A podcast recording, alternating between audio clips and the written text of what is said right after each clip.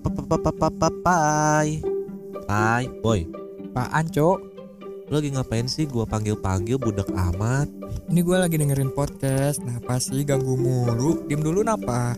Aduh hari gini masih dengerin podcast aja Bikin lah Emang gimana cara bikinnya? Lagian kan susah bikin podcast belum lagi ngepublikasinya Nih gua kasih tahu nih ya Lu harus punya aplikasi yang namanya Anchor Apaan Anchor? Anchor itu suatu aplikasi yang bisa mempermudah saat lu bikin podcast. Lu bisa recording di sana, bisa editing di sana. Pas lu mau upload podcast lu di platform-platform lain pun sangat mudah. Bentar-bentar Jadi Anchor ini tuh kayak ibunya buat bikin podcast gitu Iyalah bisa dibilang seperti itu. Gampang cobain deh. Tapi gue harus nyarinya di mana? Nih, di Play Store ada, Oke App Store ada, Heeh. di webnya juga ada. Lu bisa kunjungi aja www.anchor.fm. Oke oke oke Kayaknya menarik sih Gimana kalau kita coba bikin podcast? Ayo kita bikin Ayo Jadi, Jadi- buat kalian jangan lupa untuk dengerin Merokes.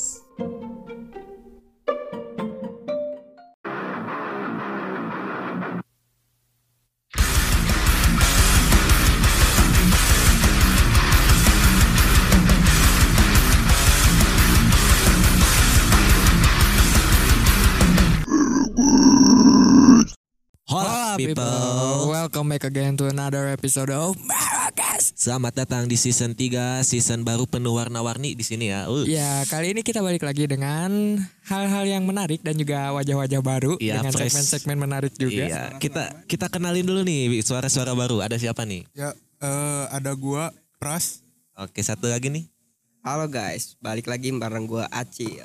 Iya, jadi ini orang-orang ini memang sudah ada ya sebelumnya di beberapa episode kita. Cuman ke sini-sini kayaknya pengen ini nih, pengen konsisten kayaknya ya, pengen punya segmen sendiri. Jadi nanti ditunggu aja ada segmen baru juga dari kita, Ya segmen yang isinya Acil dan Pras Acil dan Pras ini. Yang Dua, pasti ini dua maut. bakal bakal seru nih segmen ini nih Iya, pastilah. Biar gak bosan gitu kan. Gua mulu, lu mulu, kasihan nah, itu gitu. justru itu Suara kita tuh terlalu mahal untuk didengar Iya, ter- terlalu becek. Oke, kita ada bahasan apa nih, Pai? Oke Kali jadi ini, kita mau ngasih judulnya tuh trilogi Iya, jadi ini salah satu episode dari trilogi kita ya. Mm-mm. Sebenarnya ini agak scientific banget gitu sih. Sebenarnya ini tuh butuh riset mendalam dulu untuk membahasnya, tapi karena ah kalau misalnya diapalin nggak akan apal-apal gitu, mending Iya. udah gas aja. Dan juga takut tidak laku. Nah itu dia terlalu kalau terlalu saintis ya. Iya, jadi ya udah kita ringan aja, dibawakan secara ringan aja. Jadi ini nih yang mau gua tanyain pertama, lu percaya nggak sih ada cinta sejati? Hmm percaya, tapi di satu sisi itu sulit dicapainya. Sulit karena beberapa podcast yang udah gua denger tuh ada nih dari Lord kita nih Ya ya ya. Om Ded, aduh, Om Ded. Om Deddy kita bilang cinta itu bohong. Awalnya Ya. gua kaget kan denger judulnya. Hah, kok bisa bohong sih? Pas didengar-dengar ternyata cuman reaksi kimia, Bro. Cinta Iya tuh. iya iya karena kalau gini awal kita mendapatkan perasaan senang saat mengalami perasaan jatuh cinta tuh karena Hmm. apa ya dorongan dari hati kan ya. Iya, ternyata secara ilmunya, Secara secara, ilmunya itu bisa dimasukin hal yang disebut dopamin. dopamin atau itu bisa dibilang reaksi kimia. Jadi Iya. cinta itu reaksi kimia. Ah, gimana tuh? Bingung kan? Bingung kan? Sama kita juga. Jadi apa yang harus kita percaya gitu kan hati kita apa ilmu yang sudah ada Atau perasaan di dalam diri kita gitu.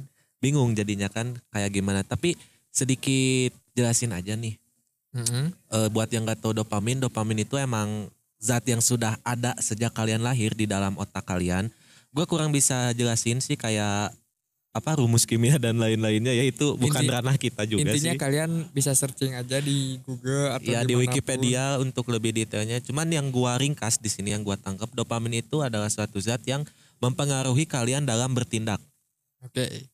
Nah itu ya. Kalau menurut lu apa? Kalau dopamin itu adalah salah satu perasaan yang timbul akibat rasa senang. Rasa senang. Ya betul bisa dibilang juga.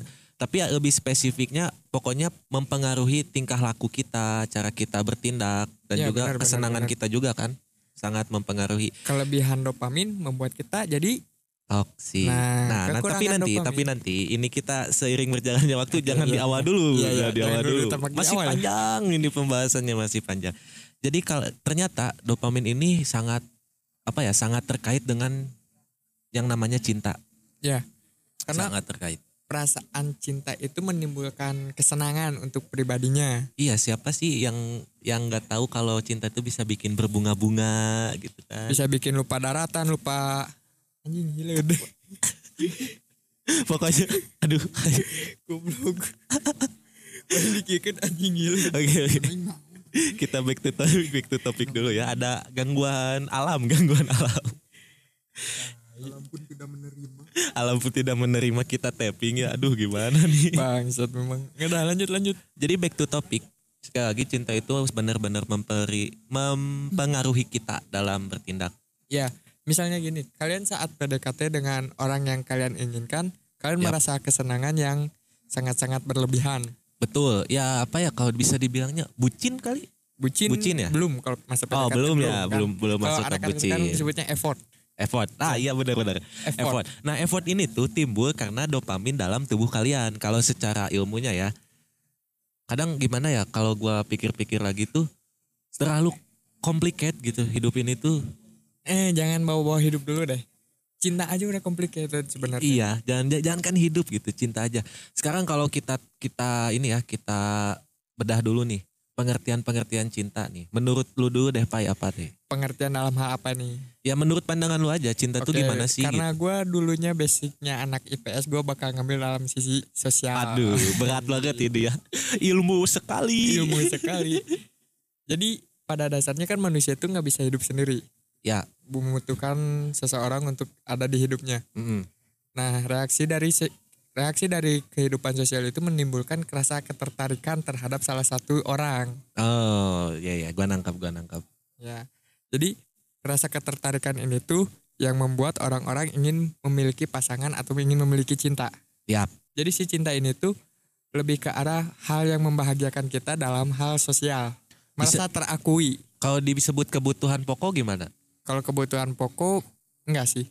Menurut gue ini malah sekunder atau tersier. Oh ya, jadi nggak butuh-butuh banget gitu. Gak butuh-butuh banget tapi di tapi gimana ya bahasanya? Bukan hal yang utama tapi dibutuhkan. Nah, itu. Itu kalau menurut lu ya. Ya. Coba kita nih dari tadi diam-diam mulu. Nih anak Iya, dua iya, nih. anak kita- siapa dulu, Pai? Siapa dulu, Pai? Dua-duanya langsung aja suruh ngobrol. Ya jangan nanti puyeng nih yang dengar satu-satu dulu. Coba Oke, dari Acil dulu dah. dari Acil dulu, Acil dulu.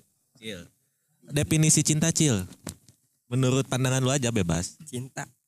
Kayaknya nggak asing ya kalau ngomongin cinta-cinta nih. Ya iyalah, orang semua orang pernah ngalamin juga.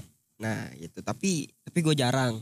Oh jarang. Nah, Kenapa jarang nih? Jarang. Ken- Kenapa? Soalnya cinta itu kalau ngebahas cinta ya berawal dari ketertarikan. Ya, yang Nah. yang diomongin si Pai tadi kan. Nah berawal dari ketertarikan. Sedangkan gua itu jarang jarang dapat interaksi sama lawan jenis yang bikin gua tertarik. Oh, lu tuh bisa dibilang susah menaklukkan hati lu gitu. Susah membuat lu Ya, tertarik. Ya Oh, berarti- gitu. Ini ya, apa eh, tipe lu tinggi juga ya? Kayaknya ngaruh karena gua Taurus deh. anjing zodiak masuk anjing. gua nggak percaya sebenarnya zodiak tapi yang gua tahu Gemini itu bangsa tuh dari Ya, itu aja. ya. Gue setuju banget. Iya, gue setuju banget. Nah, balik lagi kalau soal cinta. Menurut gue cinta itu ikatan ya. Nah, kalau tadi Pai itu anak sosial, Ya. masuk nih gue anak sainsnya. Ay, secara sains deh ya, secara Nah, kalau secara kimia, sains, kimia. cinta itu bisa dibilang ikatan kan. Nah, menurut sains yang gue tahu, nah ikatan itu kayak apa ya? Kayak proses fisika yang bertanggung jawab dalam interaksi gaya tarik menarik antara dua dua hal gitu, antar dua hal. Oh, kayak magnet gitu kan. Nah, lebih Yang kayak satu magnet. utara, yang satu selatan. Nah, Oh, itu. Nice, Jadi- nice, nice. ikatan di mana dua insan saling ada interaksi ketertarikan kayak gitu. Tapi beberapa kasus nih ada orang yang benar-benar butuhnya doang ngerti gak sih? Butuhnya doang. Iya jadi nggak saling membutuhkan. Butuhnya dalam hal apa nih? Kalau kalau kalau lagi gabut jam-jam rawa. Uh, jam-jam rawan apa nih? kalau cowok biasanya jam rawannya jam 2 peralihan hari jam 12 sampai jam 2. Anjir kok jadi ke sini anjir balik Aduh, lagi aduh, balik aduh, lagi aduh, gak ada edukasinya anjir. Melenceng nih, melenceng nih. Balik lagi balik lagi. Terus gimana Bang Acil? Ya terus lanjutin lagi. Tadi kan sempat kepotong saling membutuhkan. Nah, saling ya saling membutuhkan dalam artian Nah, mungkin kalau bahas cintanya ya saling membutuhkan dalam hal Positif. ya, Kalau cinta pastinya itu hal positif. Kalau Atau saling membutuhkan dalam hal negatif apakah itu cinta? enggak, itu nafsu. Oh nafsu ya itulah betul. Oke cukup nih cukup atau mau tambahan lagi? Cukup Cukup kayaknya kalau dulu. Mas Pras ngomong gua bakal ngomong lagi deh Ah, ntar. ya coba Mas Pras Harus dulu. dipancing dulu nih. Jadi sedikit cerita buat Mas, Pras ya karena beberapa kali pernah curhat ke gue juga. Jadi eh, selama lu hidup tuh kan lu pernah bilang lu baru pertama kali pacaran. Ya, Ya kan? betul. Ya itu tahun-tahun ini apa tahun kemarin? Tahun ini lah ya. Ya tahun ini sih masuk tahun ini. Nah gimana yang lu rasain nih? Jadi lu bisa mendefinisikan cinta itu bagaimana Eh, menurut lu? Sebenarnya kalau gue sendiri kalau tentang cinta tuh kebalikannya dari acil acil ini gitu. Gimana buat- kebalikannya? Kalau acil tuh kan susah buat jatuh cinta. Nah ya. Nah kalau gua mah eh, mudah untuk jatuh cinta sebetulnya. Oh Oke oke jadi menurut Mas Pras nih jatuh cinta itu mudah. Dalam hal seperti apa nih misalnya? Eh, sebenarnya menurut gua mudah tuh sebenarnya dengan misalkan melihat cewek gitu yang yang cantik atau apa pun gitu pasti eh, awalnya kan pasti dari fisik dulu nih. Nah. Jadi jadi dari mata turun ke hati gitu nah, ya. itu. Tapi gua tuh paling susah tuh untuk mengump- mengungkapkan perasaannya itu. Oh, I see I see.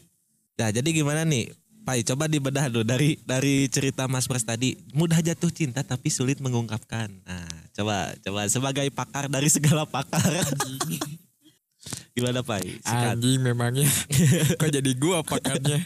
Ya soalnya kan waktu itu kita pernah debat nih masalah relationship ini kan. Lu dan gua emang beda beda banget pandangan soal relationshipnya. Lu kan lebih ke cinta sejati, lelaki sejati, komitmen nomor wahid kan lu itu. Oke oke oke. Kalau dari cerita Mas Pras yang gue tangkep tuh dia mudah jatuh cinta dengan hal yang dilihat dia. Yap. Tapi dia susah mengungkapkan karena mungkin itu bukan cintanya. Iya karena bisa dibilang kalau misalnya dari lihat doang kita suka, Enggak, eh enggak. itu suka ada, sih. Ada, ada ada dua persepsi kan. Ketika cinta itu datang, itu bisa dari mata turun ke hati kan. Yap. Ada cinta yang emang benar-benar keluar dari hatinya masing-masing. Misalnya, lu ketertarikan dalam pasangan lu, oh gue suka nih karakternya kayak gini. Ah. Itu berarti bukan lihat dari fisiknya, tapi dari karakternya. Oh, iya. Misal contoh ada teman-teman gue yang udah pada nikah. Oh, Pada emang iya. ada Oh, ada. beberapa Nikahnya real kan? real ini mah real Oh, yang real. real ya. Kita nggak kita nggak ngambil yang MBA. kita ngambil yang real. Bukan karena accident. bukan bukan yang real ada beberapa teman gue yang gue kenal dulu mereka pacarnya cantik-cantik Hmm. tapi ketika nikah mereka nggak memilih orang yang dikatain orang-orang itu cantik tapi mereka biasa aja Sama karena apa gua. karena mereka menemukan cintanya dalam hal karakter sifat kebiasaan Oh, jadi bukan bisa dalam hal fisiknya bisa dibilang cinta tuh bisa tumbuh di beberapa segmen atau beberapa tempat kan? Enggak, cinta itu bisa tumbuh dengan sendirinya karena pribadi kita sendiri Hmm. misalnya eh, dalam suatu sisi kita suka nih cewek yang misalnya kita sebagai cowok kan kita suka cewek-cewek yang agak tomboy Hmm. Itu kita gua banget ngeliat, itu, gua banget itu. kita ngelihat dari ininya dulu dari gimana karakter dia atau sifat dia dalam Ya. ketomboyan itu atau misalnya kita suka cewek-cewek yang feminis Hmm. kita ngelihat dari tampilan dia itu dari fisiknya Itu kalau dari fisik kan. iya Tapi ya gue setuju sih eh kata-kata apa lihat semua dari cover gitu kan. Gue setuju sih. iya gue juga setuju ada beberapa orang kan yang bilang Don't judge a book. don't judge book by cover Tapi kalau kita judge a book by cover Iya, aja dulu sih. bak- Soalnya belum tentu kita ketemu sama orang itu tuh lagi. Eh, Iya, benar. iya. Belum kita tentu belum- kita belum bisa tentu bertemu lagi, beberapa kan? kali. Iya. Jadi ya udah pertama dilihat ya udah kita nilai orang itu kayak gitu. Hmm, misalnya gini deh. Anggap gua nggak kenal sama lu. Hmm. Saat gua ngeliat lu, oh anjing, gotik ya. Ya kalau misalnya dibalik gua nggak pernah kenal lu nih, pas gua lihat tuh, wah ini orang kok idiot banget ya gitu kan. Goblok. Goblok. tapi, tapi kan brandingan lu idiot emang di sosmed gitu. ya cuman jangan disebutin juga gitu Pak. Anda merendahkan saya Gak dengan merendahkan itu pujian, justru pujian. Berarti brandingan lu berhasil nih sampai-sampai gua bisa ngejudge kayak gitu. Itu kan yang lu mau kan. Oke, mungkin itu tentang definisi cinta ya. Definisi Kita cinta. lanjut lagi ke hal-hal yang disebabkan reaksi kimianya ya, ini tadi. reaksi KB aja. Karena ada beberapa fase sebenarnya dalam jatuh cinta yang pasti pertama itu apa? Kita ngambil aja deh abad 21 kali ya. Abad 21 sekarang. Iya, kita ambil aja yang Kalau sekarang. mau abad 20 sebelum. Aduh, gua nggak ngalamin tapi Ya juga sih. ya udah yang yang gua alamin dulu deh ya, iya. yang gua alamin. Abad 21. Kalau sekarang tuh sebenarnya simpel banget, Bro, buat jatuh cinta ya. Sesimpel kita kayak lihat sosmed-sosmed orang-orang gitu atau cewek-cewek atau Oke. cowok-cowok gitu. Kita bisa timbul ketertarikan hanya dalam hal itu. Agree but disagree. Gimana? Ah, setuju tapi gak setuju gimana? Setuju tapi nggak setuju. Coba. Soalnya Gimana? kayak yang lu bilang tadi brandingan gue saat di sosial media gue kayak gini. Ya, Tapi ke saat ketemunya gue nggak. Gue malah ada beberapa orang yang ngomong ke gue, gue malah cenderung orangnya serius. Ya bisa. Jadi ini apa fasenya tuh yang penting pertama tertarik dulu deh. Kayak si Pras tadi kan. Jadi cuman modal lihat juga udah bisa. Wah suka nih gue tertarik nih. Nah dari tertarik itu sih kalau kita secara sains lagi nih, secara sains lagi, Kalau sains kayaknya ngomonginnya sama Acil deh. si saraf-saraf otak tuh ini kan eh, si saraf-saraf otak tuh menghantarkan sinyal gitu kan ke otak eh saraf-saraf tubuh kita tuh menghantarkan sinyal ke otak untuk mengeluarkan si zat dopamin ini. Karena biasanya kalau udah tertarik kan ujung-ujungnya kayak ah follow dulu deh. Ya. kalau yang abad 21 ini kan kayak gitu kan. Soalnya udah gak, udah dipermudah banget dengan kemajuan teknologi juga nih dalam mencari cinta tuh. Belum lagi dating apps dating apps. Mungkin di antara kita berempat yang nggak kayak gitu, gue aja. yang gak kayak gitu gimana? Ya. Maksudnya gue nggak pernah nge-follow cewek-cewek duluan. Om, ya sih kadang beberapa kasus gua juga eh, bertemu atau misalnya menjalin kedekatan tuh emang kadang ada ceweknya yang duluan. Tapi kan balik lagi karena penyempitan makna cinta nih sebenarnya nih kayak gini tuh. Jadi sekarang tuh ada istilah man take over gitu kan. Jadi cowok yang harus memulai gitu. Padahal dalam secara sejarah tuh kalau misalnya kita ambil abad-abad sebelumnya tuh bebas-bebas aja mau cewek mau cowok yang memulai duluan cuman gak tahu kan gak tahu karena hal apa sekarang makin menyempit gitu kenapa harus cowok yang selalu ambil langkah duluan Enggak, enggak. Menurut gue itu salah persepsi lu. Soalnya di Jepang itu masih harus cewek duluan yang mengungkapinya. di beberapa negara iya betul kalau tapi kalau gitu. kalau yang gua baca dari riset sejarahnya tuh iya seperti itu gak ada maksudnya nggak ada kepastian harus cowok terus nih yang mulai langkah duluan nggak ada tapi nggak tahu kenapa makin sini kenapa jadi harus cowok duluan yang take a move gitu. Enggak, enggak. lu lu baca deh risetnya ada risetnya Iya, kalau riset emang ada. Cuman dari tren-tren yang sekarang ada, rata-rata cewek yang lebih agresif dibanding cowok. Karena- Cowok hanya melanjutkan. karena udah masuk emansipasi. Iya. Kayaknya itu sebelum deh. Gak tahu deh gua eh, urutan Enggak, itu sejarahnya justru sih. sekarang. Lu lu pernah dengar kan salah satu podcast yang ngebahas feminisme? Ah, Langkah-langkah feminisme itu kan uh, bergeraknya di tahun-tahun sekarang semenjak sosmed merajalela. oh iya iya iya benar-benar. Karena karena hal itu kali ya. Ya, jadi di sini ketahuannya siapa yang masih muda, siapa yang masih tua. Eh yang udah tua. Gak nggak gitu juga anjing. Gua gue juga muda cuman nggak tahu kenapa gue suka aja budaya zaman dulu tuh. ya gue juga suka sih kalau misalnya culture culture vintage kayak gitu gue Tapi sebenarnya ya kalau gue berhayal gue pengen sih ngerasain dijodohin gitu. Gimana ya rasanya ya? Kalau gue malah nggak mau menolak. Gak buat ini aja, buat riset aja gitu. Nggak, Nyobain dijodohin. Gini, udah gini. udah udah dijodohin cerain aja udah. Kalau nggak cocok. Gue udah tahu gimana eh, karakter gue, sifat gue dan juga Hmm. kepribadian gue udah gue udah tahu gue orangnya idealis. Gue nggak akan bisa kalau misalnya berhubungan dengan orang yang nggak gua yang nggak gue mau. Oh, oke oke. Coba kita tanya dulu tadi udah bahas-bahas reaksi kan ya. Hmm. Kita tanya tanya lagi nih Bang Acil. Lu setuju gak sih Bang kalau misalnya kita sebut cinta itu reaksi kimia? Setuju? Tentu. Tentu ya. Kenapa setujunya tuh? Kenapa? yang lu yang ya? lu rasain reaksi kimia bukan gitu. sebenarnya kalau reaksi kimia itu sulit sulit sulit buat ditentukan ya sulit buat Ya, ditentukan indikasinya tapi kalau menurut gua bicara soal tadi dopamin bicara soal otak soal apa soal apa. Nah Ah, dopamin itu yang mempengaruhi otak untuk bergerak. Iya, betul. betul kan? Hmm. nah dan itu tuh kayak apa ya? Kayak semacam pemicu. Jadi bisa tentu aja bisa dibilang reaksi kimia. Soalnya kayak pemicu otak untuk melakukan semua hal yang kita lakukan untuk ke depannya. Ya, betul. Ya, jadi secara gak langsung kita tuh udah punya planning kan. Kayak ah nanti udah udah ngajak udah ngefollow gua chat ah, udah gua chat nanti ajak teleponan, udah teleponan ketemuan ah. Nah, itu kan berarti salah satu hal yang dihasilkan dari eh hal yang dihasilkan dari dopamin kan membantu kita untuk memplanning atau merencanakan suatu pergerakan kita nih untuk mendapatkan si doi misalnya kayak Hmm. gitu. ya gua setuju sih untuk untuk merencan ya gua bilang kayak tadi untuk merencanakan rencana kita ke depannya itu juga diatur oleh dopamin makanya dopamin itu bisa dibilang ya aktor utamanya untuk Aktor iya betul betul. Iya kan? Aktor utama gitu. Kita kita hanya pemeran penyalur kali ya. ya kita Bukan sih- salur yang garis-garis. itu beda lagi itu kaos ya. itu kaos nah jadi kita tuh kayak kita tuh kayak robotnya pengendalinya itu si hormon kita itu Iya, yang sangat gak, gak semu gak sepenuhnya sih kalau menurut gua paling 90 persenan lah.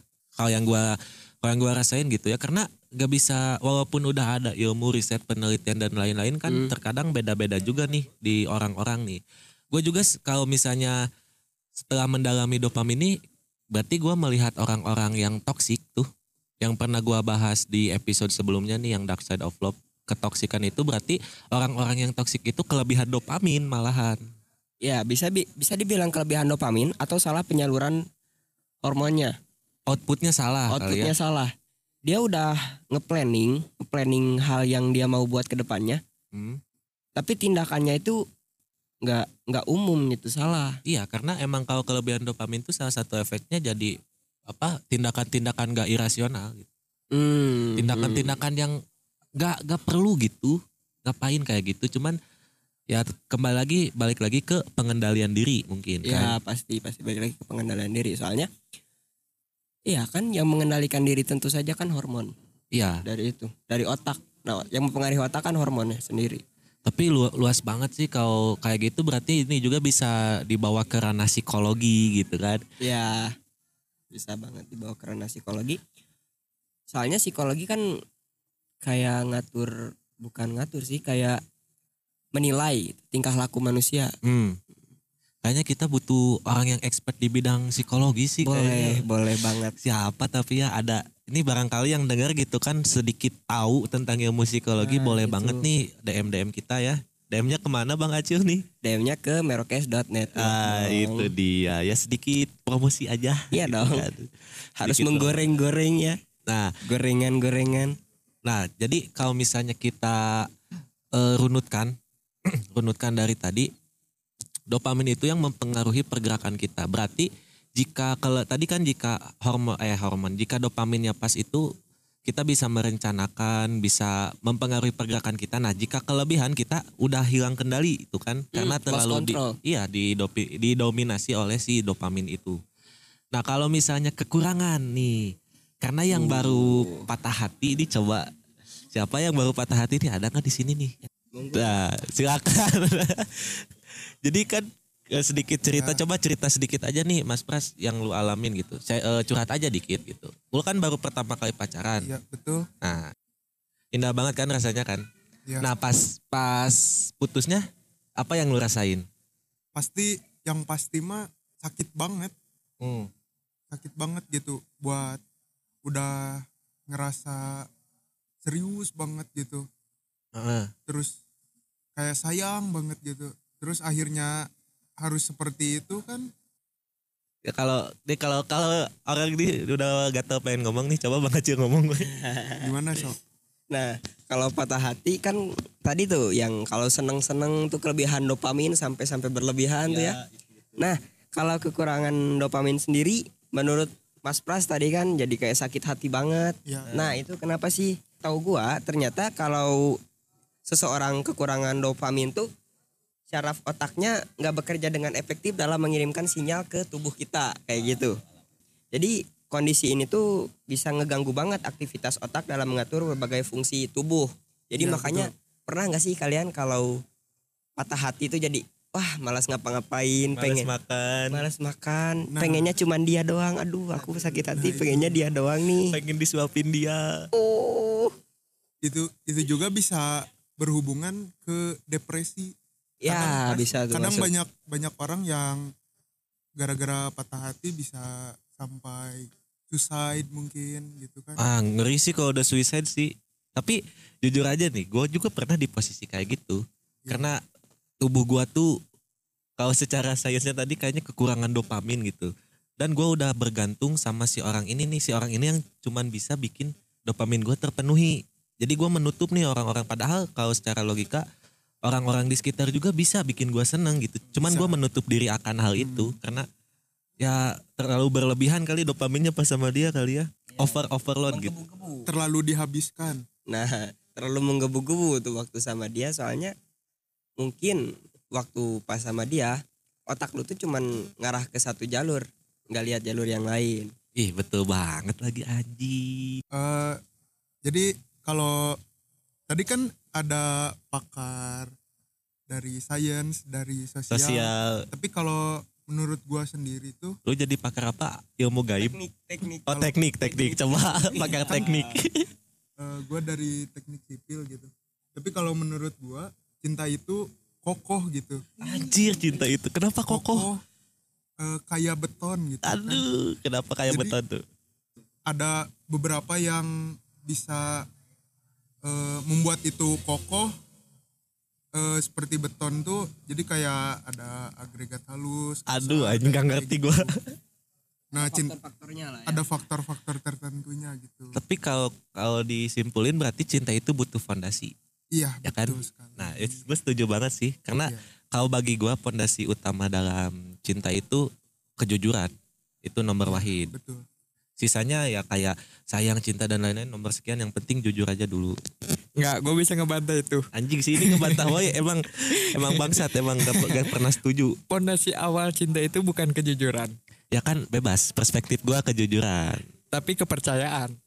Kalau bagi gua kepercayaan pasti datang setelah kejujuran. Enggak, kalau menurut gue kepercayaan dulu. Ketika seseorang udah percaya dengan pasangannya, mereka akan cenderung jujur dengan sendirinya. Oh, berarti- harus dipaksa. Oh berarti ini mah apa anjing ya analoginya ada nih. Sa- ta- tapi hasilnya sama-sama aja kan. Mau Iya. percaya dulu mau jujur dulu intinya sama-sama aja. Cuman kalau misalnya dalam hal yang dimasukkan sosial gitu ya, ilmu Oh, iya, oh sosial. iya lupa gua kan pakai sosial berarti Kalau dimasukkan menurut hal sosial. dalam ilmu sosial, ketika kita udah percaya sama satu orang, kita akan cenderung jujur dengan sendirinya. Misalnya kita ketemu strangers nih, Yap, yap. kita awalnya ngobrol bla bla bla bla bla ah, agak kurang masuk berjalannya waktu saat kita udah masuk kita pasti akan oh gue percaya nih sama orang ini Hmm. Gue akan jujur sama dia Nah, kal- kalau ngomong-ngomong kepercayaan, gua udah sempat bahas sih di monolog gua. Gua orangnya tergesa banget, Bro. ya ya di monolog lu yang sebelumnya kan? Iya. Itu jadi gimana gua gam- emang gampang banget percaya, gampang banget nilai orang gitu dalam waktu sebentar. Tapi gua lupa nih buat menyelami dia lebih jauh lagi, mengenali dia lebih jauh lagi. ada satu fakta ini nggak tahu fakta dari sosiologi atau ilmu apa gitu gue lupa lagi kita cenderung akan lebih mudah percaya terhadap orang baru Kenapa? karena kita belum tahu keburukannya Emang setiap orang yang ditampilkan pasti kebaikannya dulu gak sih? Iya, karena makanya itu kenapa biasanya orang-orang yang kayak tadi Mas Pras bilang, wah gue tertarik nih sama nih cewek. Ya karena emang Karena kita nggak tahu keburukannya. Iya, tuh yang apa. ditampilkan apalagi di sosmed kan. Mm-mm. Emang bener sosmed tuh ajangnya pencitraan banget sih. Cuman Ya, jangan berlebihan ya. sekali lagi. Kecuali gue ya, gue apa adanya di sosmed. Ah, enggak sih kalau masih pakai filter enggak sih. Wih, eh, eh, gue gabah. kalau udah kalau masih pakai Lightroom enggak enggak. enggak. Tapi Ya kan apa-apa sih. Buat color grading doang. Iya, tapi emang butuh bener. Iya. Aku itu namanya akura eh, apa? Akurasi. Akurasi. Nah, butuh sedikit akurasi. Soalnya gini, kalau misalnya masuk sosmed nih ya, Heeh. kalau masuk sosmed ketika kita nge-capture suatu gambar atau video Hmm. itu pasti akan beda sama yang ditampilkan oleh mata kita. Iya. Apalagi beberapa smartphone mempengaruhi. Iya. Ya kan dengan spek-spek dia tersendiri sangat mempengaruhi hal itu. Makanya hal-hal itu sekarang jadi lazim. jadi lazim karena buk disebut pencitraan betul ya pencitraan cuman gak, Gua, gak sampai gua ngubah nggak pencitraan sih, lebih kalau di sosmed lebih ke arah branding. ini kali eh, penyempurnaan Penyempurnaan dari karakter. gitu. jadi balik anjing udah Bentar, Kalau- bentar, ini kok jadi ngebahas karakter sama sosmed ya? tapi emang emang semua ini bersang, eh, berhubungan sama si dopamin ini sendiri sih iya sih. Hal yang setelah ditimbulkan dari dopamin kan serotonin. ya tapi kalau untuk serotonin nanti aja Ya karena kayaknya panjang, ya. ini episodenya masalahnya kalau panjang nggak pada betah nih nggak tahu kenapa ya nggak pada betah dengerin Coba dong gitu. kalian kasih tahu kita kenapa kalian gak betah kalau ya apa durasinya kelamaan atau misalnya Atau terlalu, terlalu melebar bertele-tele, Heeh. iya. boleh komen aja kan sekarang di eh, di beberapa platform udah ada fitur komen kan Iya. nah komen aja di situ biar Nanti kita lebih setiap, baik ke setiap depannya episode yang kita tayangin juga kita bakal kasih sesi tanya jawabnya juga Q&A-nya. ya betul jadi gimana nih kesimpul langsung ke kesimpulan aja nih Kesimpulannya aja dari Mas Pras dulu dah. Ma- Mas Acil aja dulu Mas Acil Kok jadi lempar-lempar aja? oh belum belum belum nyiapin ya udah lu dulu deh lu dulu deh Oke, udah kesimpulan dari sih. pembahasan kali ini. Jadi awal pembahasan kita itu adalah menyangkut tentang dopamin. Yap. Dopamin adalah sesuatu zat reaksi kimia di dalam tubuh kita yang menyebabkan tuh atau memerintahkan otak kita untuk bertindak. betul Jadi dopamin sendiri itu adalah hal yang nggak bisa dipisahin dari kehidupan manusia karena emang udah ada emang udah ada dari lahir gitu. gimana intinya. lagi lu mau mau operasi ngangkat dopamin nggak bisa anjir Tapi yang kita angkat di sini tuh kan kelebihan dan kekurangan dari si dopamin. Hmm, Kelebihan dari dopamin menyebabkan orang-orang jadi toksik. ya Kekurangan dopamin membuat kita jadi nggak punya motivasi atau gairah hidup. iya kalau bahasa gua sih kehilangan diri sendiri sih kalau kekurangan Iya. dopamin Kayak kata-kata ketika gue sama dia, gue nggak bisa jadi diri sendiri.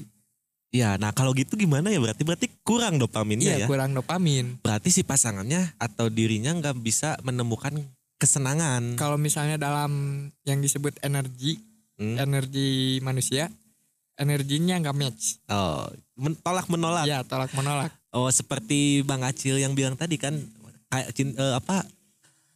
Kalau dia mungkin lebih masuk ke arah zodiak ya. Oh iya dia dia zodiak banget sih anaknya sih. zodiak banget ya. Udah bawa zodiak lagi kan. Kalau menurut gua apa ya kesimpulan ini tuh? Pokoknya dopamin itu bisa disangkut pautkan dengan apa pun tindakan kalian. Kalau gua boleh berpendapat kayak kenapa sih? Pada itu bukan karena gua sih, tapi gua mau berpendapat aja kenapa banyak sekali orang-orang yang mencari kesenangan dalam narkoba atau narkotika sub atau substance-substance tertentu. Ya karena dia merasa keku apa otak eh, di tu- tubuh dia tuh merasa kekurangan dopamin. Intinya kayak gini kan, lu ketika orang-orang menggunakan drugs itu nggak bisa mencari atau memenuhi eh, Nah, iya dopaminnya iya, iya sendiri. itu itu itu. Benar, Makanya benar. dia butuh alat bantu yang disebut Iya. drugs. ya bisa dibilang apa ya booster kali ya kayak vaksin gitu boost- booster tapi nah tapi jeleknya lagi kalau kalian pakai itu terlalu berlebihan bro. Yang dihasilkan nanti 2 sampai tiga kali lipat tuh kata riset kan. Nah udah di- udah kalau udah berlebihan kayak gitu abisnya pun abis-abisan sekalinya turun si dopaminnya itu Panik udah kalian. abis-abisan panik kau deh baik baik baik baik. Cemas kau deh. deh. kayak gitu. Makanya timbullah kecanduan. Timbullah hasrat gue pengen lagi nih karena kalau gua nggak pakai ini gua nggak bisa seneng padahal itu kan permainan psikis mereka aja padahal bisa-bisa aja gitu kalau kalian yang mau mencari makanya sebenarnya apa beberapa orang yang pernah sharing masalah mereka saat kecanduan drug sampai akhirnya bisa keluar tuh ujung-ujungnya ya niat diri sendiri sih Hmm, gitu benar. sih Soalnya kan pengaruh otak juga. Jadi waktu dia kekurangan dopamin tuh otaknya bereaksi. Iya. Gua perlu nih, gua perlu nih, gua mana perlu nih. mana yang tadi mana yang tadi Nah. gitu kan Nah, dia tuh nyari cara tercepat untuk bikin dia senang dan Hmm. cara tercepatnya cara itu instan Iya, cara instan dan cara instannya itu ada di drugs itu. Makanya drugs bisa jadi bahaya banget sih kalau kata gua. bahaya banget ya karena bu- jadi ujung-ujungnya jadi kebutuhan pokok mau emang anjir jadi kebutuhan po- pokok sampai ngejual ini itu ini itu Gue nggak perlu nasi, gue perlunya ini. Bahaya banget tuh. gimana? Mas Pras ada kata-kata terakhir untuk anjing kata-kata terakhir lagi. Kata-kata penutup. Nah gimana nih buat episode ini? Eh, lebih baik jangan menggunakan eh, obat-obat itu buat eh, meningkatkan dopamin. Karena ada yang lebih bagus lagi gitu apa tuh? itu, apa tuh? Yaitu olahraga Ah. olahraga juga bisa Jadi mengeluarkan pakar ini ya. hormon dopamin Nah, jadi pakai olah. Nah, betul. Masih banyak jalan menuju Roma, Bro. Jadi Iya. jangan ter- selalu terpentok akan hal itu. masih banyak hal-hal lain lah yang lebih lebih positif Oke. Oke, kita cukupkan aja untuk episode pembuka di season baru ini ya.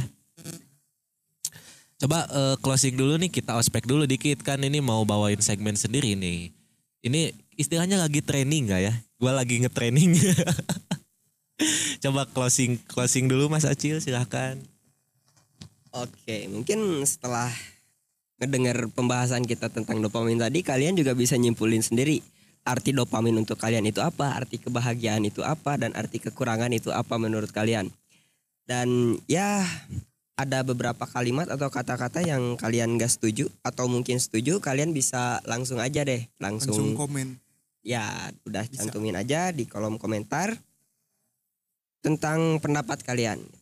ya betul sekali jangan lupa komen di bawah kekurangan kelebihan kitanya juga dari Lebih- mer- Kelebihan jangan kelebihan nanti kita star syndrome. Ya wah. nah star syndrome juga masuk closing closing kelamaan kelamaan closing. Closing closing closing closing Mas Ya, terima kasih untuk para pendengar. Eh, sampai bertemu di podcast-podcast selanjutnya. Oke, see you people.